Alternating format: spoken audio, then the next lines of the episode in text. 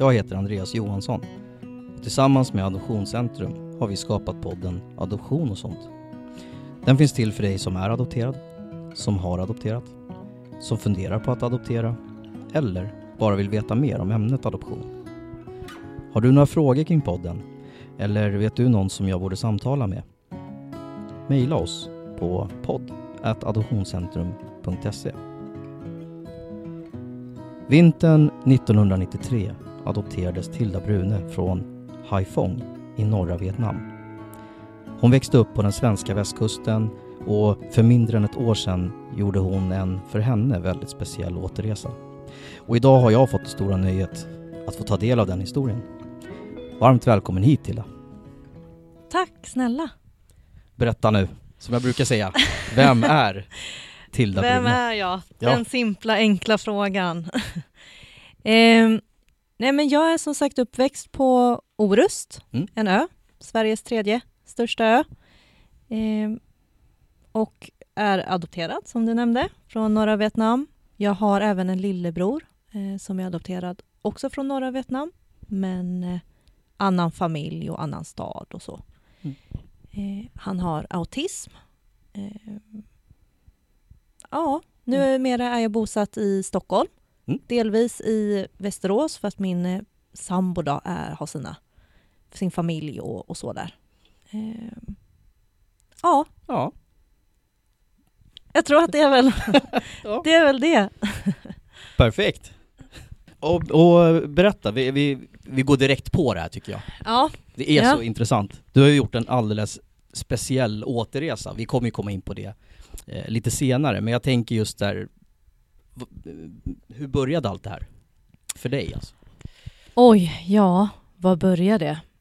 Jag tror väl egentligen att jag alltid haft en viss längtan efter att åka tillbaka till Mm. Vietnam.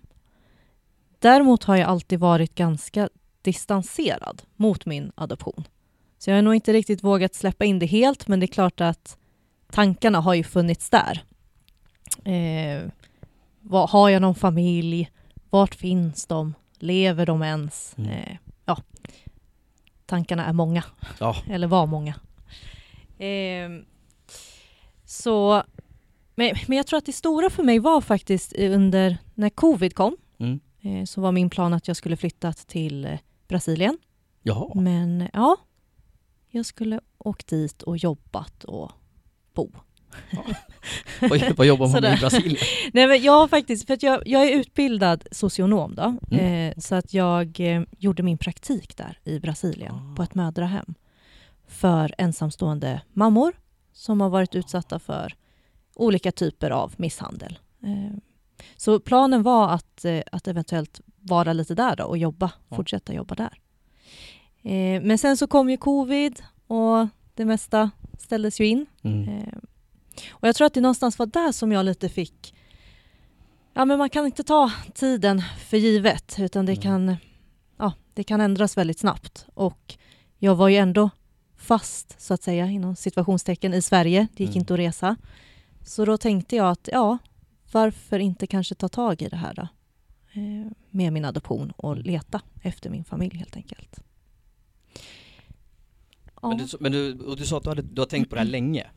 Mm. Hur, hur länge pratar vi? Alltså, är det liksom sen, sen du var jätteliten eller? Nej, men jag skulle väl ändå säga från att jag var 13. Ja. Någonting. Nu är jag ju 30. Eh, så, men jag, jag vet att jag hade en bekant när jag var yngre. Hon var väldigt så, tänkte mycket på det från, från att hon var barn, Mm. eh, berättade hon. Hon hade till och med bilder och så på, på sin biologiska mamma. Och att det var en väldigt stor grej för henne redan då. Eh, men det har det aldrig varit för mig. Men när jag blev 13-14 där, då, då väcktes ändå nyfikenheten. Mm. Men den puttades också bort ganska snabbt. Okej. Eh, jag, som sagt, jag har inte riktigt vågat öppna den där dörren riktigt. Eh, för jag har alltid sett det så att min adoption är ett rum och dit har jag en dörr och under mitt liv hittills så har jag valt väldigt mycket när och med vem jag öppnar den där Mm. dörren för. Eh, och jag har aldrig vågat öppna den riktigt helt. Mm. Det är väl det som är min poäng tror jag. Ja. Nej, men jag kan, den kan jag Eh, förstå. Kan jag Ja. förstå. Eh, jag vet inte, jag tror väl att det kanske är ganska vanligt som adopterad att man är ganska van att balansera det där lite. När, Mm. när man tänk, väljer att tänka på det, när man väljer att prata om det, när man inte väljer att prata om det och sådär. Mm. Ehm, Men ja, som sagt, covid var, var faktiskt det, det, som knuffade mig till att Ja. faktiskt ta kontakt med Adoptionscentrum då, och deras avdelning just för Mm. eh, adopterade som vill söka sina rötter. nu kom Ja. det där, Det kom det där ordet det som, där ord, som vi inte gillar. precis, som känns lite, Nej, så är det. Det är inte att vi inte gillar det, men det känns, ja, ja, lite uttjatat kanske, Ja. jag vet inte. Men jag har också brist på något annat bättre. ja. Nej, jag, vad var det jag kom på när... Nej, jag kom inte, Åter, ja, återresa, återresa. söka sitt ursprung. Ja, det finns ju alla möjliga. ursprung. Ja. Jag håller med, det där med söka rötter låter så. ja. Ah, men, Men- nu, För all del, ja, det kanske man nu gör. använder jag det ändå. Så. Ja. Eh, ja. Mm. Och det, det är ju just det här med att, eh, att, att det var liksom, det krävdes nästan någonting som, som covid för att det, eh, Mm. för att det skulle inträffa. Jag kände själv också när jag fick för mig att jag skulle börja ner och leta och allt vad det nu var för någonting. Det var också en sån här, det hände liksom någonting speciellt och lite jobbigare i mitt liv just då ja, som gjorde att jag, jag flydde dit, till den där dörren lite som du. Eh, precis. så jag, jag, jag tyckte det där var, det var en bra liknelse. Mm. det, kan jag, det kan jag faktiskt känna igen. Mm. Det krävdes en, för mig då, en liten, Mm. liten ska jag absolut inte säga, en knuff som covid Mm. för att den ändå skulle öppnas liksom. Ja. Ja, det där är intressant. Och när du, just det här när du växte upp då, är det, var, Mm. vilka det, det fanns ju alltid eh, lite speciella människor som man pratade med, eller så var det för mig i alla fall. Jag Ja. antar att eh, det var lite det du syftade på också, att man pratar inte adoption med alla. Nej, Utan vissa är det liksom, nej, vi, så var det. vi är inte så nära liksom. Ja. Och jag tror också det, jag i alla fall, jag vet inte hur det var för dig, men jag, jag upplever ju att jag utvecklar ganska snabbt väldiga känselspröt, så Mm. att säga. I liksom, navigerade lite kring och kände in vem, vem kan jag eventuellt kanske prata med det här om? Vem kan det eventuellt komma en, en ganska så nyfiken och i min mening magstark fråga ifrån? Eh, för det vet jag inte, men jag tror väl att det kanske är ganska vanligt att man som adopterad kan få lite Ja men små klumpiga frågor kanske, jag vet inte hur jag ska Ja, säga det på ett fint sätt.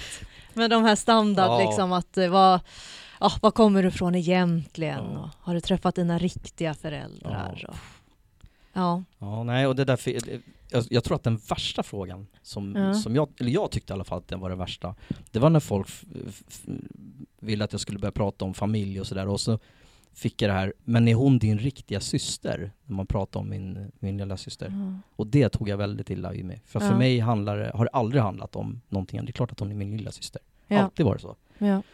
Eh, men det var, vet jag att det var liksom, det kändes nästan lite värre än när någon sa att, eh, men alltså är dina riktiga föräldrar. Mm.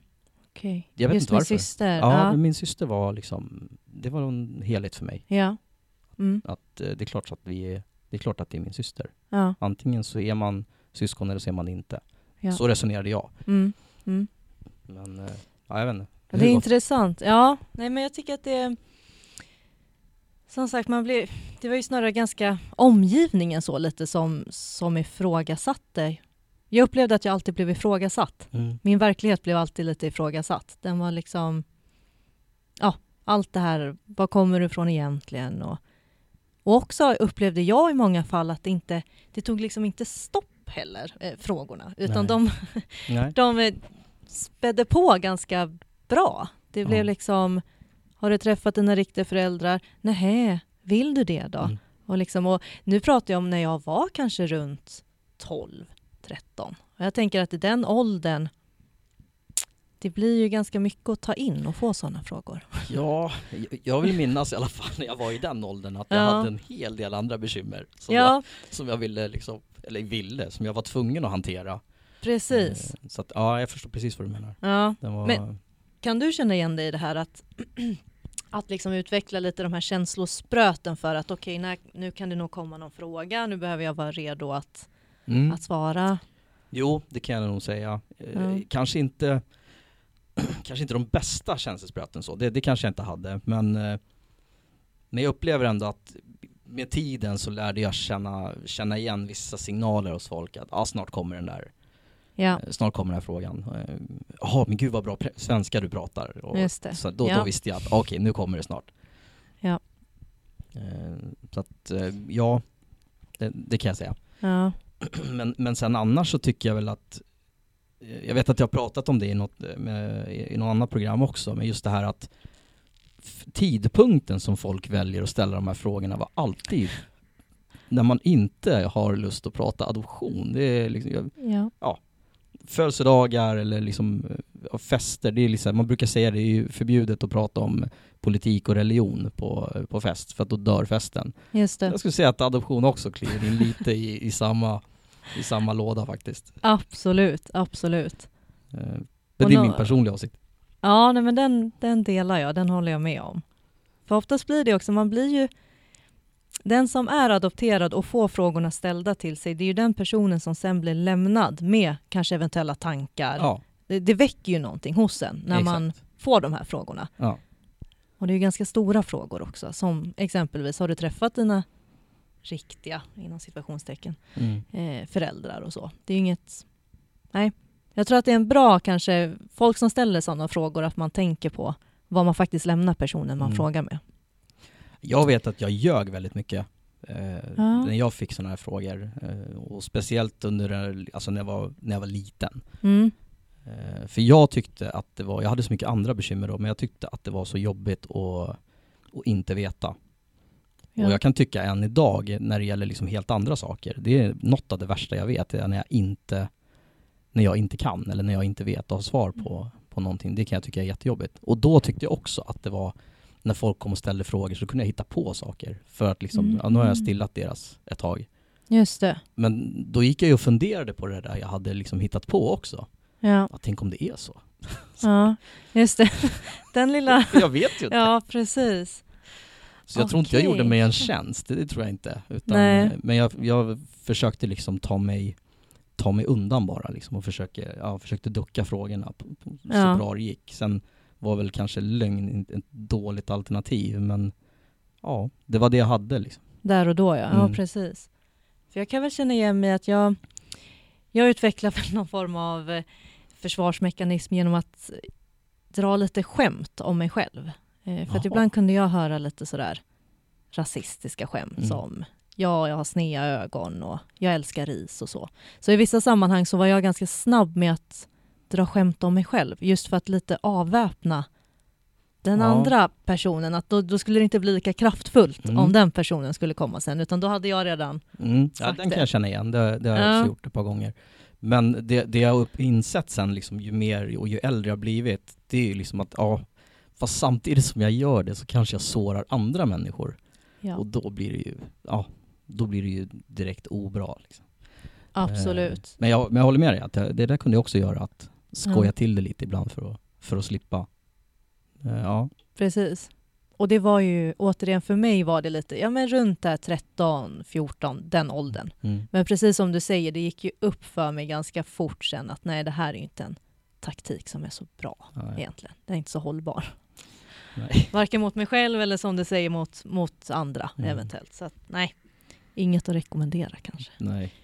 Men samtidigt, precis som du sa, alltså, för mig det hjälpte där och då. Så att Ja. det var det jag hade då. Ja, och så tänker jag också, man gör ju, man gör väl så gott man kan med, med det man har. Ja, Och, och, och ibland så, och speciellt när man är barn eller ung vuxen eller vad nu, så ja, man har ju inte alla svar.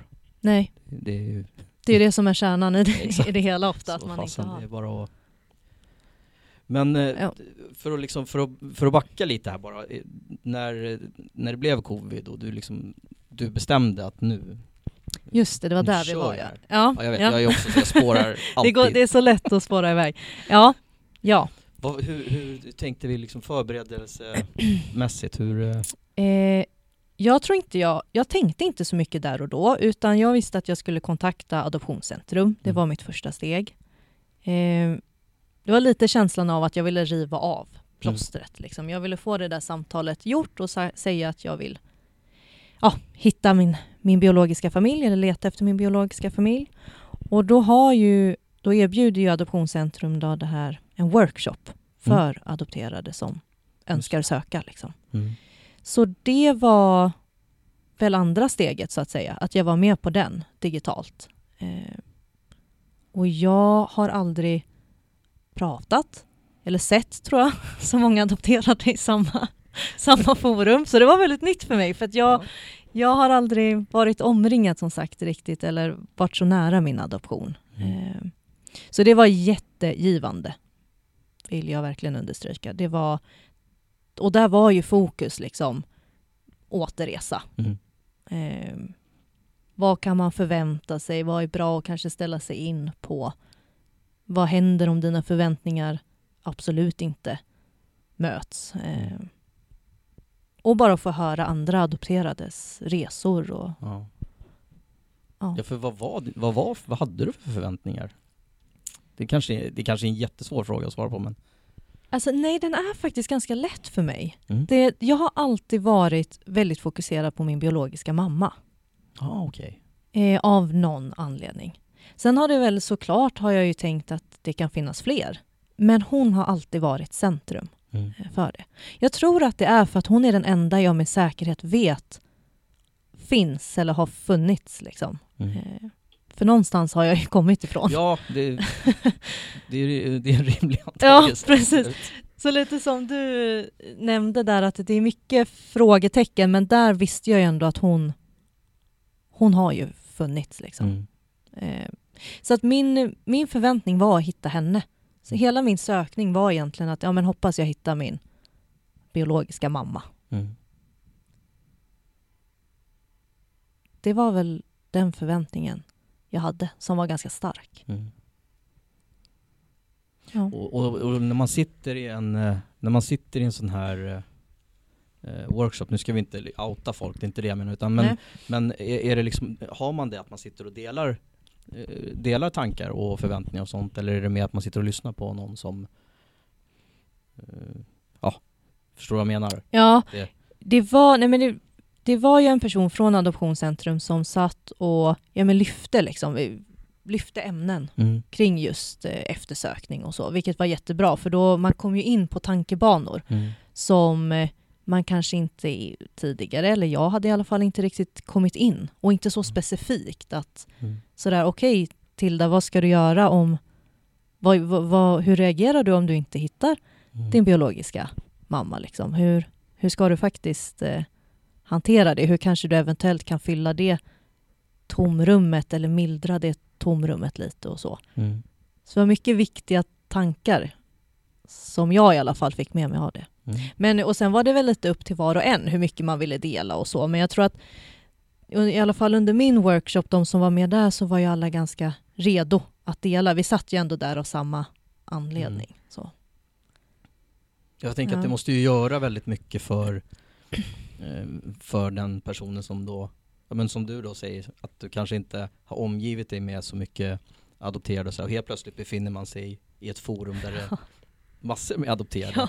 Och så ska man då helt plötsligt, ska jag vara öppen här och, och berätta allt eller ska jag vara lite avvaktande? Mm. Och, ja, det, det kan ju, det beror ju lite kanske på hur man är som person men jag tänker Ja, att det kanske hjälps, att man blir hjälpt av att lyssna på, på andras tankar och funderingar också. verkligen. För mig var det i alla fall väldigt, Mm. eh, väldigt givande att kunna göra det.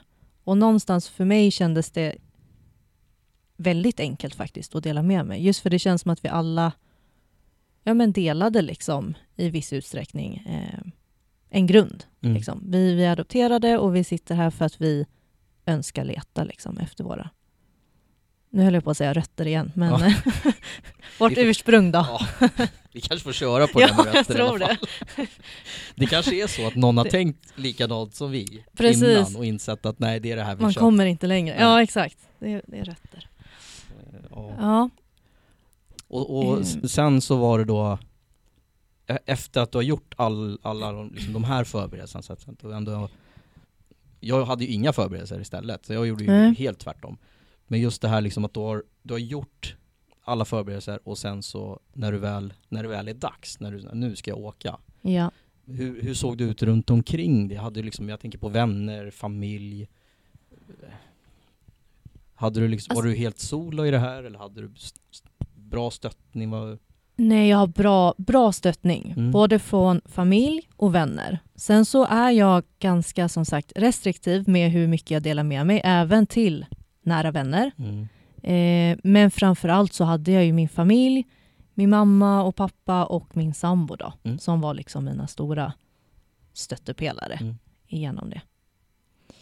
Eh, och det var viktigt. Eller det, det var, ja, jag tror att det var väldigt viktigt för mig att ha det. Eh, För det är ju en Mm. tuff grej att, tänker jag, att gå igenom om man, om man är helt själv. ja, Det, jag hade ju hjälp av, eh, av liksom vänner och familj och det var ju ja, framförallt vänner skulle jag vilja säga då. mm, mm, Eh, Men just det här att, att ha någon, man visste att det fanns någon där hemma eller några som, som man kunde höra av sig till om, om det brallade ur helt. Liksom. absolut. Det, det tyckte jag var skönt, bara att veta det. Sen ja, behövde man ju inte prata regelbundet med dem, men just bara att veta att ja men skorpar det till sig nu så kan jag, då kan jag höra Yes. av mig. Liksom. man har sitt säkerhets... Mm. trygghetsnät lite så. Eh, sen var faktiskt min mamma då och min sambo var med mig eh, en del av resan Mhm. också när jag åkte tillbaka. Så det, ja för mig gjorde det väldigt mycket att ha dem även fysiskt där då på, på plats. Ja det förstår jag. För Mm. det, är, det är ett par timmar att flyga ner också, då sitter man på Ja fast det Och- har inte jag så svårt för. Nej, jag älskar att flyga och kolla på film på flygplanet Aha. och sådär. Så jag kan absolut lätt sitta själv och, och bara kolla på film. Ja, jag blir så otålig bara. Ja. Jag måste röra på mig. Jag fixar inte det där. ja, är du en av de som står där bak och stretchar och sådär? Nej gud Nej. Det, då sträcker jag mig bara och så gör jag illa mig. Nej men, jag, men jag, visst kan jag väl sitta och titta på film och sådär men jag har ju Mm. någon ja, Jag har någon sån där åkomma också. Jag vill ju bli, jag vill komma fram fort. Ja, Eh, det ska bara en, en flygresa på tio timmar, det, det är jobbigt för mig. Och jag kommer ihåg när, vi, när jag flög ner till Australien, ja. alltså det var ju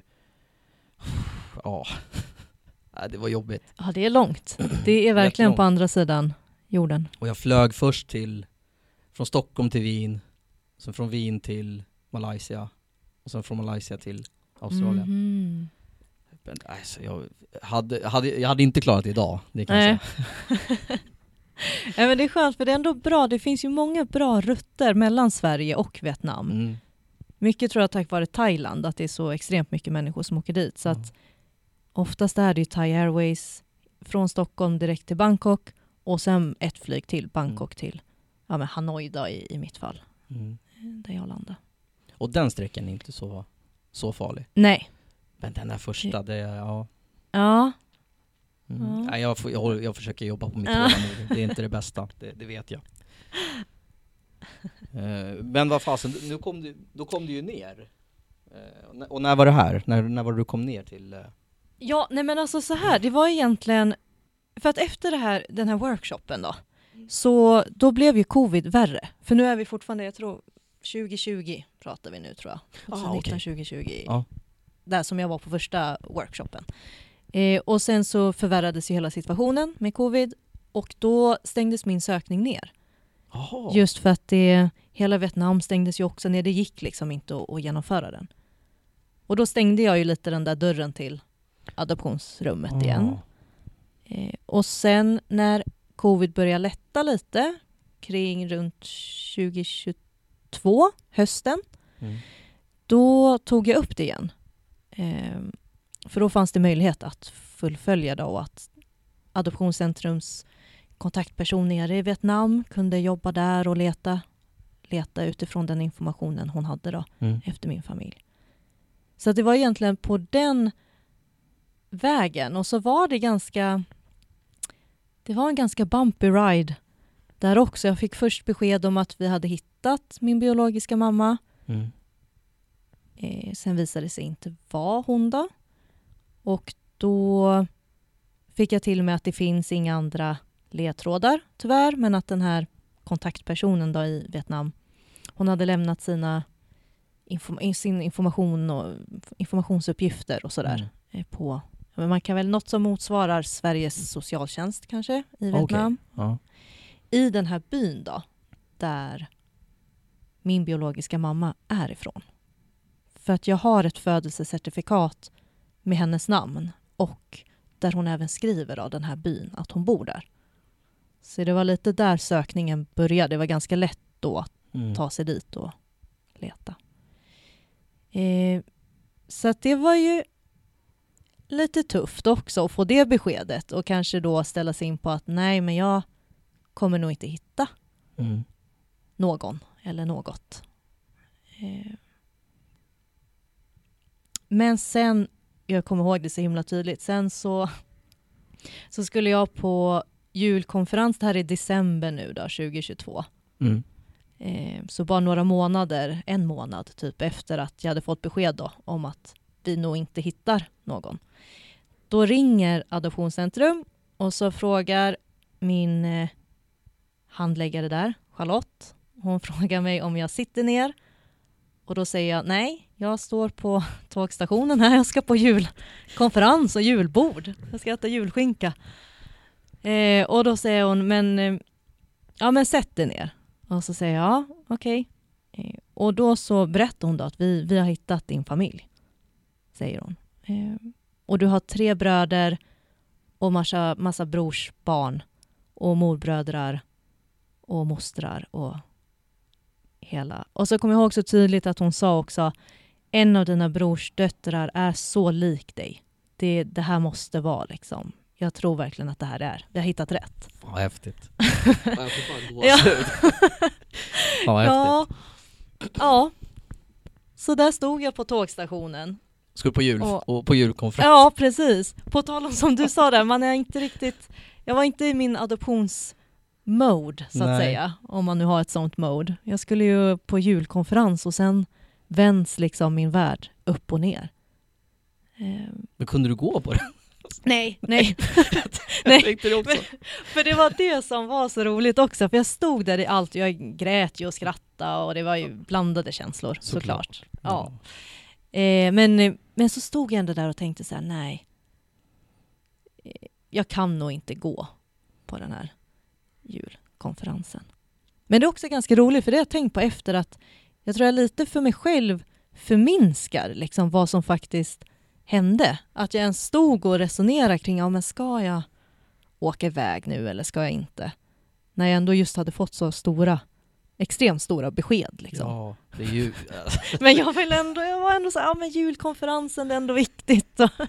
ja, nej. Riktig arbetsmyra, plikttrogen.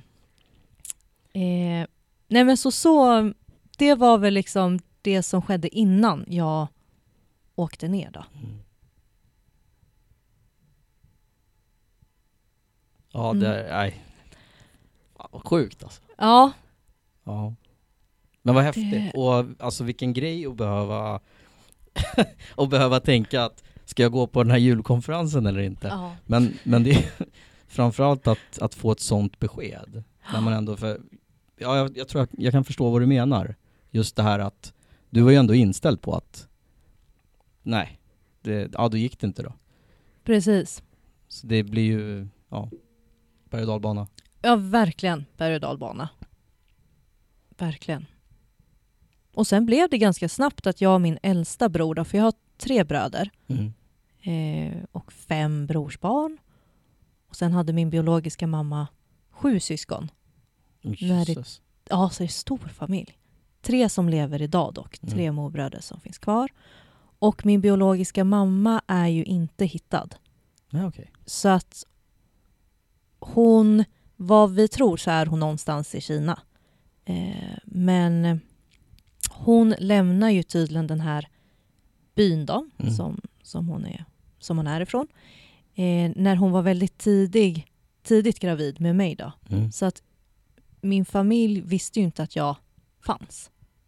Aha. Det är också en sån där liten plot twist. Wow. Okej, så de Så- visste inte att du fanns? Nej.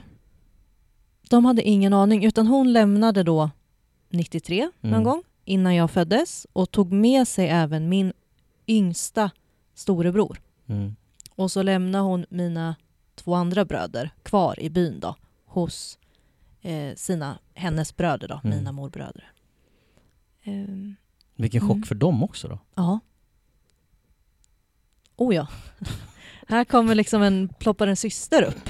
Eh, min äldsta bror, han är 43 nu. Mm. Så han har ju liksom levt ett bra tag. Och ja, ploppar en syster upp som sagt. Ja, Jesus. Hur, tacklar hur, tacklade du, hur tacklade du det? Ja, det är bra fråga. Prata mycket. Prata jättemycket med min familj Mm. och liksom mina nära och kära. Och hur reagerar de då? Chockade. Ja. Men väldigt, som sagt, de har varit väldigt stöttande från, från första början. Så uteslutande positivt. Mm. Absolut. Och det är jag ju jätteglad över. Så, att jag får ha det stödet. Mm. Eller kan ha det stödet. Men eh, ja, så chockade och mycket frågor. Precis som jag. ja. Det var mycket sådär, eh, såklart. vart är din biologiska mamma då? Och liksom, ja. Det var ju ändå hon jag hade en vision om Ja. att hitta. Eh, men som sagt, det är helt fantastiskt att jag har hittat resterande av min familj. Alltså, ja. Ja. Ja, Vilken story. Ja, och vilket samtal va? Att Ja. ta in liksom. Ett väldigt speciellt, ett speciellt telefonsamtal jag fick Mm. där. Den dagen. Men eh, ja, sen så började jag brevväxla ganska snabbt med min äldsta bror då. Mm. Det var lite så vi valde att börja eh, relationen. Mm. För det är också en sån där, som jag nämnde lite till dig tidigare, att vad, vad gör man sen? Ja. Liksom, när man har hittat delar då, av sin familj. Vad, Ja. jag personligen kände så här, nej jag vill inte ringa upp på Facetime och liksom, hej hallå, här är jag, där är du. Mm. Eh, för det första, vi kunde ju, vi kan inte kommunicera. Det finns språkbarriärer. Mm. Det är, jag tror att min familj sammanlagt kanske tillsammans kan säga 15 engelska ord. Så att eh, Ja, okej. det är inget att förlita sig på där. Och jag, min vietnamesiska är väldigt knackig. Mm. Väldigt, väldigt knackig. Men du kan lite Så- i alla fall? Ja, för jag valde, jag valde faktiskt sen att åka- ner en gång till till Vietnam efter den här första resan. Ja, okej. För att då med syfte att plugga vietnamesiska. För jag vill så gärna kunna prata med dem. ja men häftigt. Ja. Eh. Ja, förlåt, gud, nu tappar jag, bo- Ja, jag tappar förlåt, bort nu- mig själv. nu- nästan. Nej men jag vet inte själv vad jag... Det var snurrar, jag men igenom själv. att, eh, att, inte, eh, att, att ni inte ringde Facetime utan att ni eh, brevväxlade. Precis. Och det var väldigt bra Mm. sätt för mig, kände jag. Dels har jag alltid uttryckt mig mycket i skrift. Jag gillar att skriva. Mm. Eh, och det är så jag uttrycker mig bäst. Eh, så det var väldigt ett lagomt. Kommer svenska. Ja. Lagom är bäst. Ja. Att det ändå var... Ja, bra sätt att inleda det Men, på. men skrev, ni, skrev ni på engelska då eller skrev ni på... Ja. Ja, Och det gick via Adoptionscentrum då. Så att ja okej. den här kontaktpersonen i Vietnam, hon kunde ju översätta. Mm. Så att det blev... Han skrev ju på vietnamesiska. Eh, hon översatte då till engelska. Ja, det var ju bra. För jag tänkte annars kan det ju bli erfarenhetsmässigt när man har provat det där med att skicka in saker i Google Translate Ja. och, alltså det kan ju bli riktigt fel. Det kan ju det. Och det är ju, det är ju inte liksom, man ska ju inte prata heller om vad man vill äta till middag, utan det är ganska stora grejer man Mm. vill förmedla. Så att ja, Google Translate är... eh, nej, det blir ofta inte Den, så bra. den är säkert jättebra annars, men inte just det här syftet Nej, kanske. precis. För jag har någon form av adoptions... Google-översättnings... Ja. Ja. Nej, men... Eh, Och hur länge höll ni på och, och brevväxla så att säga? Eh, det var i några månader. Eh, nu ska vi se, vi är i december, januari, februari, kanske tre månader. Mm. Ungefär. För under den här tiden så var ju jag, där och då var jag väldigt bestämd på att jag ville göra ett DNA-test. Mhm. Eh, mm, för jag kände att jag vill ha något konkret ändå på Mm. papper. Liksom. Så att eh, jag valde att gå via Rättsmedicinalverket Mm. eh, och beställa då DNA-test. eh, baserat på, ja men du, du spottar liksom, Ja. saliv. Eh, men det var så himla krångligt att Okej. skicka det till Vietnam och de skulle fylla i, dels skulle de göra testet och de skulle fylla i blanketter rätt och det blev inte, det blev inte rätt. Så jag tror jag skickade ner tester två eller tre gånger Mm. och det blev fel. Liksom. Så tredje gången då så sa jag till mig själv att nej, nu orkar inte jag med, nu drar jag ner. Nu, nu får jag göra det här testet på plats. Ja. För att nej, det blev så påfrestande också. Att jag var så nära och sen så ska det där krångla och så bara nej. ja, jag tänkte säga det, vilket antiklimax varje gång som man Ja, får svaret och så, ja nej, det funkade inte. ja, Nej, den, det förstår jag. ja. Så i april 2023 Mm. åkte jag ner då tillsammans med min mamma Mm. här i Sverige. Ja, Mm. Det var, ett ganska, det var ett ganska ordentligt hopp jag gjorde där innan när jag sa att du kom ner. ja, precis. Det hände ju massa saker emellan. Ja, det var en del. Ja, en, en del apropå berg- det här att jag har bråttom jämt. det, men jag tycker också det är bra. Det är ju så här tycker jag också kring adoption. Det hoppar och det är svårt att hålla en röd Ja, tråd tycker jag alltid faktiskt. nästan när man pratar om det. Faktiskt. Det finns så extremt många vägar att gå och avstickare liksom. Och så. Men, ja men bara av nyfikenhet, för du sa att du hade varit tillbaka också ju. Mm. Ja, det stämmer. Men hittade du då familj? Nej, Eller var det syftet att åka ner och hitta familj? så syftet, ja, det, jag vet inte hur mycket tid var det. Nej men jag kan, Nej.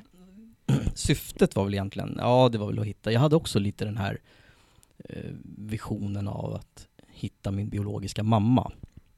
Eh, och det är egentligen ganska, av en ganska enkel anledning, min, min biologiska pappa är okänd, liksom på papper och allting, det finns ingenting där. Mm. Eh, Så jag hade ju liksom bara ett namn på, eh, på min biologiska mamma. Och så hade jag någon, någon adress som då var så här 25 år gammal eller någonting sånt. Och då ska man också komma ihåg att det var ju tsunami-katastrof Mm. där också. Och det, hela det området egentligen där jag är ifrån var ju liksom, det drabbades jättehårt. Så när jag väl kom ner och såg allt det där så var det liksom, det, det var ju omkullblåsta hyddor liksom. Och så hade de försökt bygga upp saker igen. Mm. Så det var inte, det var inte jättelätt att hitta.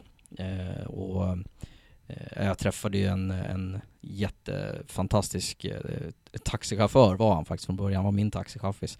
Eh, och vi började snacka när, när jag åkte ner till liksom den här byn, för jag skulle ta en taxi långt. Jag hade ju, jag hade ju ingen koll på någonting. Jag visste ju inte ens vad det var för valuta i landet. Liksom. Jag hade Mm. ingen aning. Så när jag, när jag landade på flygplatsen eh, så var jag ju liksom, ja, helt vilsen.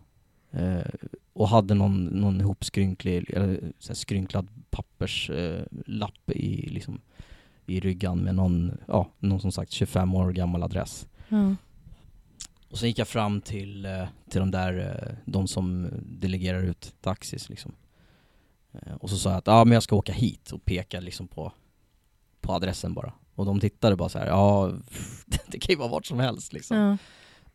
Så då tog de fram en stor, en större karta över liksom Sri Lanka-området och så bara vart, vart är du ska liksom. Och då hittade jag ju namnet på, på byn och så pekade jag dit. Och de tittade ju bara på mig såhär, oh jättedyrt liksom. Det Mm. åh, kostar mycket pengar. Jaha, hur mycket kan det kosta då liksom? Så jag frågade så ja men det kostade 4000 eller något sånt där. Ja ja, tänkte jag, det är inte så farligt. Skitsamma, det får kosta det då. Sen visade det sig att 4000 i deras var ju liksom typ 80 spänn inte så eller mycket, nej. 160 eller något sånt där. Så det var det var ju potatispengar, jätte, jättelite. Mm. Eh, Men det var ju ett par timmar att sitta i bil med honom, så jag satt ju och liksom, vi satt ju och surrade och sen lärde vi känna varandra, så han hjälpte ju mig liksom runt. Eh, Och ehm, eh, just det här med som du beskriver med liksom när man får besked om att säga nej men tyvärr, det, vi hittar ingenting. Mm. Och sen så kom det någon och sa, jo men nu har vi, vi, vi har hittat, så här, vi ska åka och träffa henne nu. Då var jag ju också så här, ja okej. Ja. Eh, Skitspännande liksom, ja. Hela det. Så kom man dit och så bara, nej nej det var inte hon. Och det där vet jag att, nu kommer jag inte ihåg exakt hur många veckor jag var borta, men under den perioden så var det liksom, alltså det var, det var ju tvåsiffrigt i alla fall på antal dörrar jag stod utanför när de sa att ja, här bor hon. Och så var det inte där. Mm. Så jag var ju, jag, jag, jag filmade med en sån här klassisk gammal videokamera liksom. Eh, för att jag skulle spela in någon form av ja, dagbok motsvarande liksom. Eh, och man ser liksom, man tittar på den där videon så ser man liksom hur jag bara sakta bryts ner. Det är, det är ganska hemskt faktiskt när jag, när jag tittar på den idag. Mm. För att de sista dagarna så ser jag ut som ett vrak liksom. Det ser ut som att jag är, jag vet inte, någon blandning av berusad och, jag vet inte, nedknarkad eller någonting. Mm. Det, ser, det ser hemskt ut. Eh, och jag liksom, jag känner bara att jag har gett upp. Det är liksom så här, nej jag är klar, jag orkar inte mer nu liksom. Eh, och samtidigt som det bröt ut något, eh, något inbördeskrig så jag kunde liksom inte, jag kunde inte flytta mig vart jag ville heller. För det sköt sig vilt runt omkring. Eh, och jag fattade Åh, inte ens att, Gud. jag fattade inte ens att det var krig. Jag trodde att det var Mm. nyår liksom. Mm. Så att jag var så, ja, jag var så vilsen Ja. eh, Ja. i det där. Men jag, jag kommer ihåg känslan just det här när man står utanför, utanför dörren Mm. och sen så bara, nej det var inte ens här. Mm. Och de, vet in, de som bor här vet inte vem det är ens liksom. Nej okej, då går vi vidare. Mm. Så att ja, den, den, kan, jag, den kan jag känna igen. Men eh, det sista jag vet att de sa det på när jag skulle åka hem, för då hade Mm. jag liksom bestämt mig för att nu, nu är jag klar och nu hittar inte jag, jag orkar inte mer. Då sa de att de hade hittat henne. Men då valde jag bara att inte tro på det och åka hem i alla fall. Ja. För det vart liksom, nej det vart för mycket. Mm. Mm. Men eh, Mm. ja, nej det, det var Jag skulle ha förberett mig bättre Jag hade ju inte liksom någon eh, något, något adop- adoptionscentrum eller liksom någonting sånt utan jag hade liksom mina egna hjärnspöken och så Mm. tyckte jag att det är en bra idé Jag åker Så drog du ner. Ja. Ja. ja. Men oavsett den här känslosamma berg och dalbanan och ja, man blir dränerad liksom. Eh, upplevde jag i alla fall på, Mm. på det mesta. Ehm. men ja, gud nu tappade jag. Nej men det, men just det här som du, eh, som, som du beskrev innan också, det här liksom att man har det här stödet. Jag hade ju liksom bra med vänner och familj och sådär jag Mm. tror inte jag hade fixat det. När jag kom tillbaka sen så hade jag aldrig grejat att hantera allt det där om Nej. jag inte hade haft eh, bra människor runt omkring. Ja. Nej, för det tycker jag också, det är väl en viktig del också så som jag ser lite att just ja, men förberedelser innan resan, under själva resan och sen får man väl inte heller glömma kanske att det kommer ett efter Mm. eh, resan också om man har varit tillbaka. Ja. Och, Hur hanterar Ja. du det? Alltså hur var det för dig?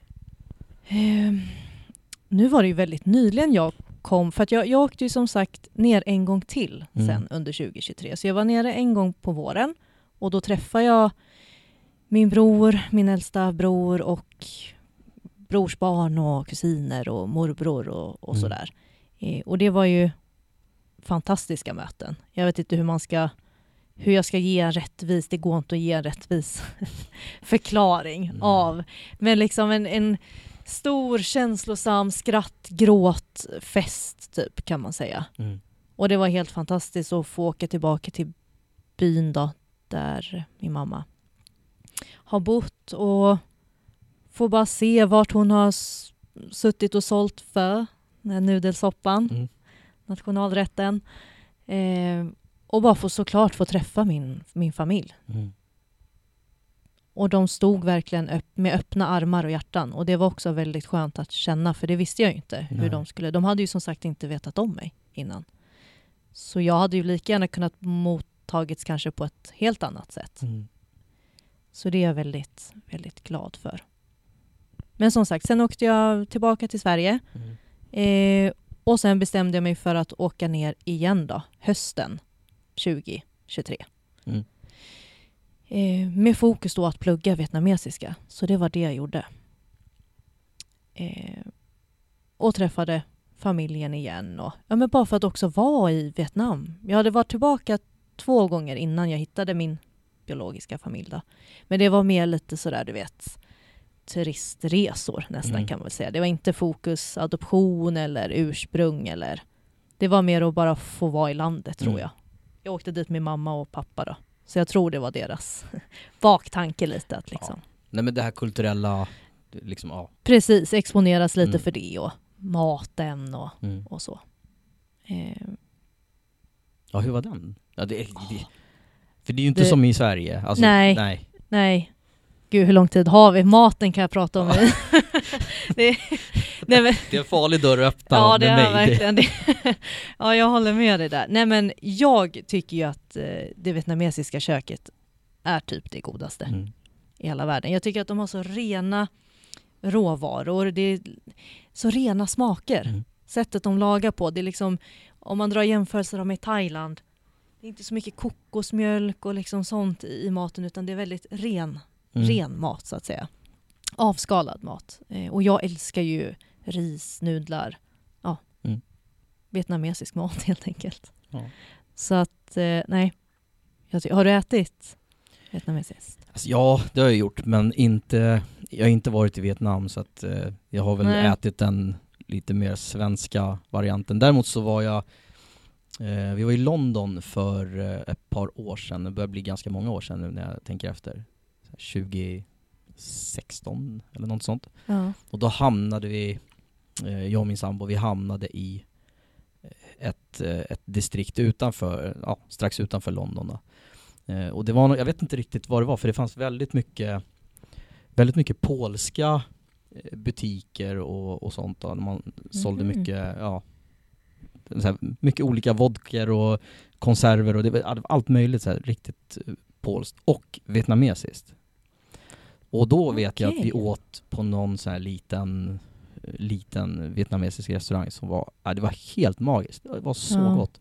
Men där kändes det också lite, där det var, det var, nu vet inte jag om det handlade om att vi vi var utomlands och allting kändes bra liksom, för det var ändå London och jag, Mm. de är ju inte jättekända för att ha den mest kulinariska eh, paletten kanske. Nej. Men, eh, men där var det liksom det här nästan lite autentiska med liksom en eh, äldre dam i, i köket och liksom, ja, Ja. väldigt husmors eh, eh, känsla liksom. Och det, den maten var helt fantastisk. Mm. Men sen så, och då, fastnade jag lite extra för liksom, för det här vietnamesiska. Men sen när vi skulle till, när vi skulle åka hem så var vi på, eh, på flygplatsen och då var det lite så här, men vi måste äta för att planet går då och sen ska vi åka vidare och så, ja, det kommer ta många timmar och jag blir jättehangry. Mm. Det kommer inte bli bra, vi måste äta nu. Och då så var jag också, tittade jag upp och sa, ja men här är vietnamesiskt, vi kör på det. Och det var helt smaklöst. Det var så Ja, dåligt. Ja. Så jag hade liksom, jag hade lika gärna kunnat tagit en Snickers, alltså det var så dåligt. ja. För det var, ja, det smakade ingenting. Men där kände jag också så här, där, där var det så, det blev så tydligt att, ja, du- visst, det, innehöll säkert samma saker, nudlar och lite sådär. Men det var ju noll kärlek, det var ju fabrik och ut med grejerna liksom. Mm. Eh, Så jag kanske var lite bortskämd då eftersom jag hade ätit sådär jättebra Ja. eh, innan. Men i Sverige ska jag säga att nej, jag har väl inte ätit något så här riktigt eh, vietnamesiskt. liksom. Nej. Nej. Jo, ja, Eller- bao har jag ätit och lagat själv också faktiskt. Ja. Eh, och samma sak med, vad heter brödet? Eh, ban, Ja, banh mi. Ja. Eh, tycker jag också är en helt fantastisk uppfinning. Jättebra. Ja, men det är så simpelt Ja, men så extremt gott. Det är så gott. Det är ju en smörgås liksom. Men med så otroligt goda smaker. Och Mm. brödet, men det är väl också mycket efter att ja, Frankrike var där och kolonialiserade. Att de är så, sättet de gör baguette på Mm. fortfarande är ju väldigt gott och likt franskt. De Mm. har ju också ägg, eh, äggkaffe som är fantastisk. Som då Mm. istället för mjölk så är det vispad, vispat ägg. Det låter inte så gott, men det är, eh, Mm. det är helt fantastiskt. Ja, jag är öppen för Också. sånt. Jag har Ja. inga problem att testa nya saker. Det, Det blir bara krämigt, man känner liksom inte riktigt äggsmak så, utan Nej. det blir en krämig, god kaffe. då, då har jag det och ska testa. Ja. Ja, kan jag varmt rekommendera. Men, det, men Ja. det måste ju varit nu när du, jag, jag tänker just när du är nere där och eh, och träffa liksom biologiska familjen och allting. Det är ju en annan typ av, jag antar att ni inte var ute och åt så mycket som, eh, utan man Nej. äter väl hemma? Ja, det var ju liksom, nu tror jag också att det var lite speciellt utifrån omständigheterna Ja. då, att jag kommer tillbaka och det, det blev ju en fest så att säga. Det blev ju Mm. som en folkfest. Så att det var, ja, jag, för det första så vet jag inte vart all den här maten kom ifrån. Eh, de, eh, ja, den trollades fram på bordet liksom bara, men uppenbarligen, de Ja. har ju stått och lagat den och det var liksom allt från ris och kyckling och anka och goda vårrullar och ja gud, jag blir ju hungrig nu, Nu är känner jag jag. jättehungrig. ja, det, ja, nej. Så det, det var häftigt att få, det var pang på så kom jag Mm. in liksom i min vietnamesiska familj liksom. Mm. Det är fortfarande så overkligt men eh, ja. Kändes det annorlunda för dig när du, eh, när du kom ner till, eh, till Vietnam första gången? Alltså just där, hur ska jag förklara? Om man, om man reser utomlands som, ja, som, i, som vilken turist som helst till vilket land som helst Ja, så har man ju, man har alltid känslan man går av planet och säger ja det blåser lite varmt här eller ja nu ska vi dit och titta på det här eller vad det nu kan vara. Men jag kände när jag kom ner till Sri Lanka så var det liksom en, när jag klev av det planet så, jag vet inte, det var någon jättekonstig, jag kan inte sätta ord på, på den känslan riktigt. mm. Det kändes som att här, här hör jag hemma fast ändå Fast inte ja, på något sätt. Hade du den, absolut. ja, Det hade jag. Eh, och jag tror mycket det är det här, jag ser ju ut som alla andra i princip. Sen är det också intressant att kolla på hårstilar och klädstilar och sådär. Där, där är jag ju väldigt inte vietnamesisk utan väldigt svensk och skandinavisk. mm. Eh, men annars så, så, så kände, upplevde jag väl att ja, men okej, jag, jag ser ju ut som, som de gör här. Men sen kommer det ju kulturella och att ja. jag kan ju inte prata, jag kan inte, ja, normer och så, jag har ju noll, noll koll så att säga. Ehm, och det är det som är så roligt nu att vara i, i det här lilla eftersvallet, att liksom få lära mig allt detta av min familj helt Mm. enkelt. Ehm, för jag personligen har ju valt att jag vill ju verkligen, min ambition är att inkludera min vietnamesiska familj i viss utsträckning i mitt liv nu liksom, Mm. resten av livet. Jag vill jobba för att kunna leva även ett liv delvis i Sverige och delvis i Vietnam då. Eh, Ja, det, det låter helt fantastiskt. Varför Eller hur? inte vilja varför inte? Och sen så kommer det, ja. Så, så utifrån det, ja, det är där jag är och det är där jag, det jag försöker jobba mot nu då. Och det visste jag inte heller när jag började den här resan. Jag visste inte hur jag skulle känna efter att jag eventuellt hade hittat någon eller, eller Mm. så. Men det var verkligen, från första resan så kände jag väldigt starkt att ja, jag behöver hitta ett sätt där jag kan kombinera mina två världar, så att Mm. säga. Och det är väl lite där jag är. Mm. Eller det är där jag är nu. Och därför så startar jag också upp eh, ett klädmärke Jaha. som heter Toila Toy då, som eh, är baserat i Vietnam. Just för att kunna möjliggöra helt enkelt det här. Ah. Så det är roligt och spännande och läskigt. Och vilken tur att du inte åkte till Brasilien. Ja, verkligen.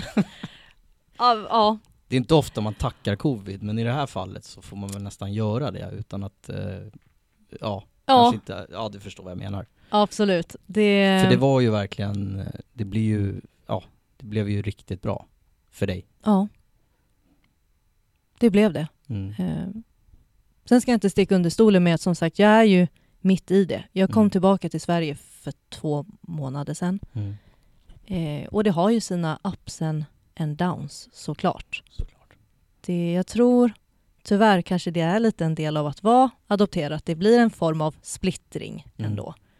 Och det här konstanta bytet liksom i vad, vad fick jag med mig från min adoption och vad tappades bort. Eh, nu har jag ju hittat stora delar av det som jag innan tyckte tappades bort. Då. Mm. Men jag har ju fortfarande kultur och språk och, och så kvar som jag personligen känner att det vill jag, det vill jag hitta. Liksom. Mm. Men och nu att jag kan göra det med min familj, det är jag ju för evigt så tacksam för. Åh, Ja. alltså gåshud, fasen vad bra. Nej men det är, så, det är kul att höra just det här att att, att folk, men, men när- det fungerar och när det blir bra av det. För man får ju höra en del och man läser en del om, ja, det ena Ja. och det tredje. Så det är så kul att höra när det faktiskt, när det faktiskt blir en, en, en någonting positivt av det. Och det men sen är det Absolut. precis som du säger, du är precis mitt uppe i alltihopa och sådär men det känns ju lite Mm. ändå som att det har, som att det har landat väldigt, eh, väldigt bra för dig. Ja, överlag så Mm. hade jag sagt ja. Absolut. När åker du nästa gång? Du, jag vet faktiskt inte. Jag har inget, eh, inget satt datum så. Jag hade velat, de firar ju tätt deras nyår nu i februari. Men det blir, nej, det blir för hattigt. Och det är dyrt. Och, Ja, Nej. ja, så att eh, vi får se helt enkelt. Men ambitionen är ju att kunna komma ner så fort som, som möjligt. Mm. Och det är också lite utifrån med, med kläderna och det här klädesmärket och så då, hur, hur ofta som jag behöver åka ner. Men, det, Men men, så jag förstod det rätt, du har alltså startat ett företag nere i, Nej, det är Nej. ett svenskt det är företag. ett svenskt företag? Det är ett Okej, svenskt ja. företag, precis. Men kläderna produceras i, Ja, är i. Vietnam då. Eh, och ja, säljs online helt enkelt. Så att det inte, inte ett vietnamesiskt företag. Inspirerande. Ja. Ja men det är det, det är väldigt inspirerande. ja, kul att höra för det, det är läskigt. Det är ett läskigt steg. Mm. att ta. Men, eh, men som sagt, jag, jag känner att det är det jag tror att jag behöver för att Mm. kunna hitta min balans liksom, vidare i, i livet helt enkelt. Och framför, alltså jag tycker att det är, det är, det är väldigt modigt, eh, alltså att våga, Tack. jag vet inte om jag hade vågat göra det. Jag önskar Mm. att jag hade vågat göra det, men jag tror faktiskt inte att jag hade det. Nej. Så det, det måste jag säga, det, det, det beundrar jag verkligen. Det är, det är modigt. Tack. Och jag hoppas verkligen att det går bra för dig. Tack. Det hoppas jag med. Ja. Nu har jag glömt bort tiden, jag har inte ens kollat på den. Eh, Men det börjar ju, oj, det, ja, ja. det börjar bli time. Ja. Gud, det känns som det har gått bara tio minuter Ja men typ. ungefär. Jag vet inte ens riktigt vad vi har pratat. Känns som jag har varit inne och ute och cyklat mycket. Ja. Men det kanske vi har också. Du känns som en sån som jag skulle kunna sitta och prata med väldigt länge. Ja, det är ömsesidigt. Jag hade nog behövt ett poddavsnitt för varje rubrik. Ja. Mat, biologisk familj, återresa. Ja, För det var lite kul när vi, när vi pratade inför det här lite grann bara så, här, men, är det någonting som, som du gärna vill lyfta lite extra? Så här, nej, det, det ordnar sig. ja, ja Sa vi båda precis. två att nej, det ordnar sig, det kommer bli bra det här. precis. Och då blev det snarare, kände jag i alla fall, det här lite att inte stelt, men att båda höll sig för att man vill inte öppna dörren för mycket. Så det Nej. blev lite så här, nu, nu får vi lägga på då. Ja. Så ses vi på nästa vecka. Om man inte spoilar. Nej men precis. Ja, nej men jag får verkligen, verkligen tacka för att, du, för att du tog dig tid och för att du ville dela med dig av din, faktiskt får jag säga, solskens eh, historia. På mycket i alla fall. Ja, Så jättetack för att du, för att du kom hit. mitt nöje. Jättekul att vara här.